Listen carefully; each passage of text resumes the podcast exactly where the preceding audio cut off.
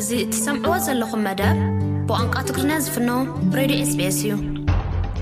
ክቡራት ሰማዕትና ካብዚ ቀፂሉ ዝቐርብ መደብ ምንባር ኣብ ኣውስትራልያ መደብና እዩ። ኣብ ናይ ሎሚ መደብና ኣድላይነት መርመራ ሕክምና ቅድሚ ሕርሲ ክኸውን እዩ ሰናይ ምክትታል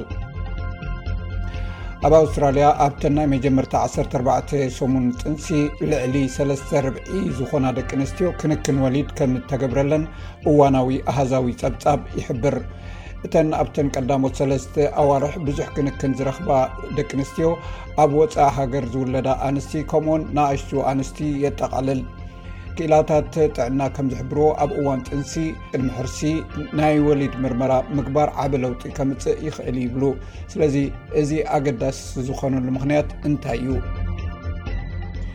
ዶክተር ዓደል ሙርዶሎ ኣብ መልበርን ኣብ ዝርከብ ናይ ደቂ ኣንስትዮ ጥዕና ማእከል ዋና ዳይረክተር እያ ንሳ ከም ትብሎ ወሊድ ክንክን ጥዕና ንምምሕያሽን ሕማም ንምክልኻልን ዕላማ ዝገበረ እዩ ትብል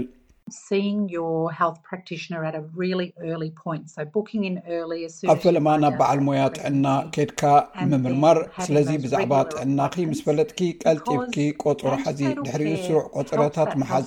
ምክንያቱ ናይ ወሊድ ክትትል ጥዕና ነቲ በዓል ሞያ ጥዕና ኣብ እዋን ጥንሲ ዝኾነ ይኹን ፀገማት እንተልዩ ኣብ ሙሉእ እዋን ጥንሲ ንክከታተሎ ዝሕ ስለ ዝሕግዝ እዩ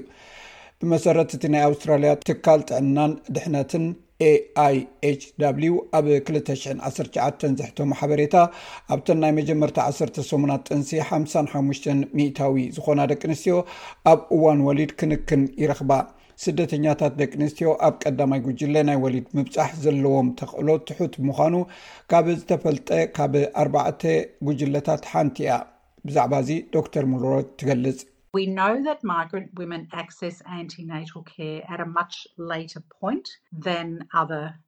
ስደተኛታት ደቂ ኣንስትዮ ካብ ካልኦት ስደተኛታት ዘይኮና ደቂ ኣንስትዮ ዶንግየን እየን ክንክን ወሊድ ዝረኽባ። መንግስቲ ኣውስትራልያ ደቂ ኣንስትዮ ኣብ ውሽጢ ፈለማ ዓሰርተ ሰሙን ጥንሲ ናይ ወሊድ ክንክን ቆፀራ ክገብራ ሓሳብ የቕርብ። እንተኾነ ድሕሪ እስራ ሰሙናት እውን እንተኾነ እስራ ሚታዊ ካብ ስደተኛታት ደቂ ኣንስትዮ ክንክን ወሊድ ዘይረክባ ምዃነን ኢና ንፈልጥ እዚ ኣሃዛት እዚ ኣብ መላእ ኣውስትራልያ እዩ እንተኾነ ኣብ ገለ ማሕበራዊ ፀገም ዘለዎም ከባቢታት እንተርኢኻ እቲ መጠን ይንክ እዩ ከምኡውን ብጉጅለ ናይ ስደተኛ ደቂ ኣንስትዮ ዝኾነ ዓይነት ክንክን ዘይረክባ ከም ዘለዋ እውን ንፈልጥ ኢና ዶክተር ሙርዶል ስሩዕ ምርመራ ምግባር ነቲ ኣብ ፈለማ ዘጋጥም ጸገማት ኣለሊኻ ክትከታተሎ ከም ዘኽእል ትገልጽ።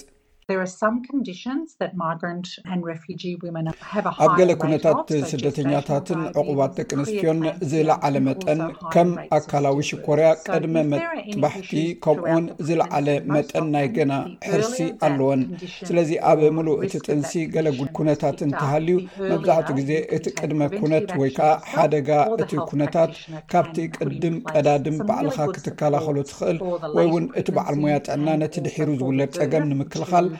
ፅቡቕ ዝኾነ ደገፍ ከግብር ይኽእል እዩ። ኣብ እዋን ጥንሲ ጥራይ ዘይኮነ ኣብ እዋን ሕርሲ እውን እዚ ጠቓሚ እዩ። ኣማንዳ ሄንሪ ኣብ ዩንስ ዳብሊው ክኢላ ኦብስትሪክስን ማህፀንን ፕሮፌሰር እያ ንሳ ከም ትብሎ እቲ ናይ መጀመርታ ምብፃሕ ጥንሲ ኣብ ውሽጢ ዓሰርተ ሰሙናት ጥንሲ እምበር ድሕሪ መበል ዓሰርተ ኣርባዕተ ሰሙን ክኸውን ኣይግባእን እቶም ኣብ ጥንሲ እንገብሮም ቀፃሊ መርመራታት ኣብ ሰለስተ ቀንዲ መደባት እዮም ዝኽፈሉ ናይ ኣልትራሳውንድ መርመራታት ኣሎ ዓይነት ናይ ደምን ሽንትን መርመራታት ድሕሪኡ ካልእ መርመራታት ናይ ማህፀን ፀቕጢ ደም ምፍታሽ ኣእምሮኣዊ ጥዕና ምምርማር የጠቓልል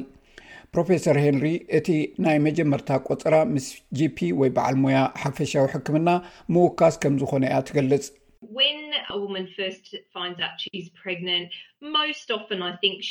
ሓንቲ ሰበይቲ መጀመርያ ንጥንስቲ ምኳና ምስ ፈለጠት መብዛሕትኡ ግዜ ናብ ጂፒ ብምካድ እቲ ምርመራ ይግበረላ ድሕሪኡ እቲ ጂፒ ናይ ፈለማ ምርመራ ይገብር እሞ እዚ ማለት መርመራ ፀቅጢ ደም እቲ ጥንሲ ክፀሉ ዝክእል ዝኮነ ዓይነት ናይ ጥዕና ኩነታት እንተሎ ይፍትሽ ድሕሪኡ እቲ ጂፒ ገለ ናይ ደምን ሽንተን መርመራ ክግበር ይእዝዝ ድሕርዚ ጂፒ ምስታ ሰበይቲ ብዛዕባ ናይ ህዝብን ናይ ውልቅን ሕክምናታት ኣማራፂታት ይመያየጥ ፕሮፌሰር ሄንሪ ከም ትገልፆ ብመሰረት እቲ ኣብ ኣውስትራልያ ዘሎ መምርሒታት ክንክን ጥንሲ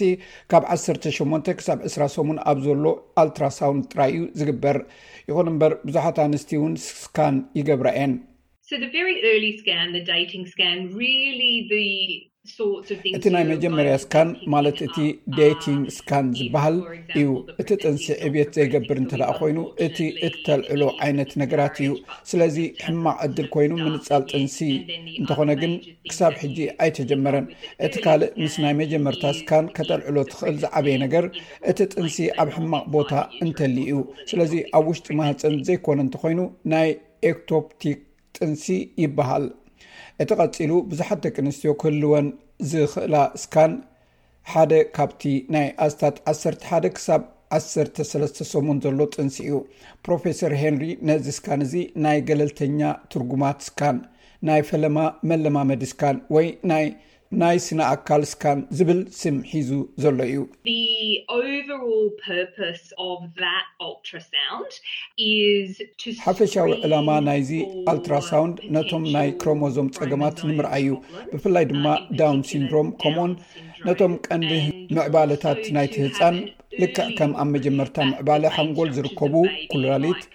ኣብ ምጅማር ምዕባለ ልቢ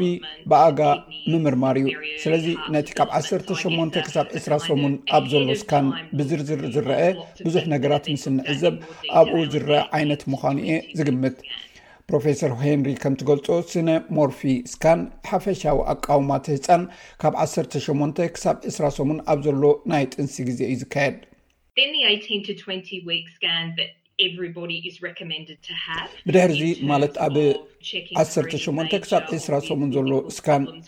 ይግበር ኩሉ ሰብ ኣብ ልዕሊ እቲ ህፃን ዝኾነ ዓብዪ ኣካላዊ ፀገማት ከየጋጥም ብምፍታሽን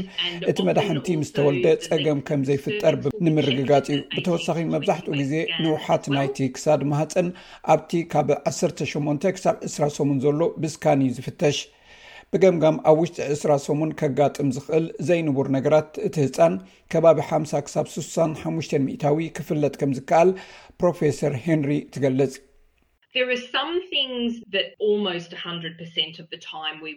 ሓደ ሓደ ግዜ ሚእቲ ሚእታዊ ዝኸውን ክንረክብ ንኽእል ኢና፣ ንኣብነት ናይ ዓንዲ ሕቖ ቢፋዳን፣ ገለ ዓይነት ናይ ኩሊት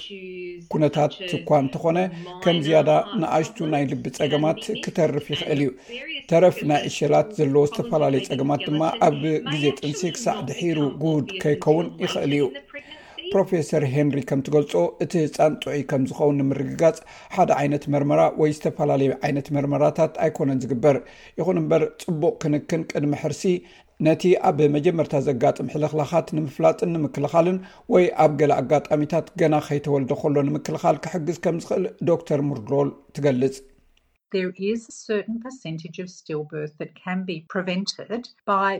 ገለ ሚእታዊት ናይ ምድንጓይ ሕርሲ ኣሎ፣ እዚ ኸኣ ኣደ ክትገብሮ ብእትኽእሎ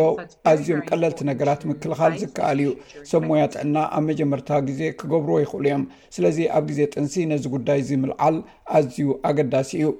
ዶክተር ሙድሮ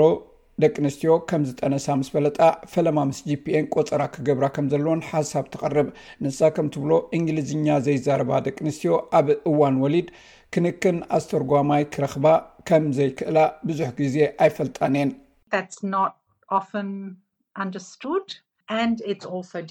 እዚ መብዛሕትኡ ግዜ ርዱእ ኣይኮነን ኣፀጋሚ እውን እዩ ምክንያቱ ሓደ ሓደ ግዜ ሓንቲ ሰበይቲ ኣብ ቆፀራ ንክትበፅሕ ኢላ ቆፀራ ስለትሕዝ እቲ በዓል ሞያ ጥዕና ኣብቲ ቆፀራ እቲ ተርጓሚ ንክረክብ የፀግሞ ምስ ወሊድ ዝተሓሓዝ ክንክን ከዓ ምድንጓይ ፅቡቅ ኣይኮነን ስለዚ ምስቲ ኣስተርጓሚ ብዛዕባ ዘድልየካ ኣገዳሲ ነገራት ንምርካብ ምስ ናይ ወሊድ ክንክን ዝገብረል ግን ዘሎ ሰብ ዝግበር ዝርርብ ብኣግኡ ኣስተርጓሚ ንምሓዝ ክሕግዞም ይኽእል እዩ። እዚ ምንባር ኣብ ኣውስትራልያ እዩ።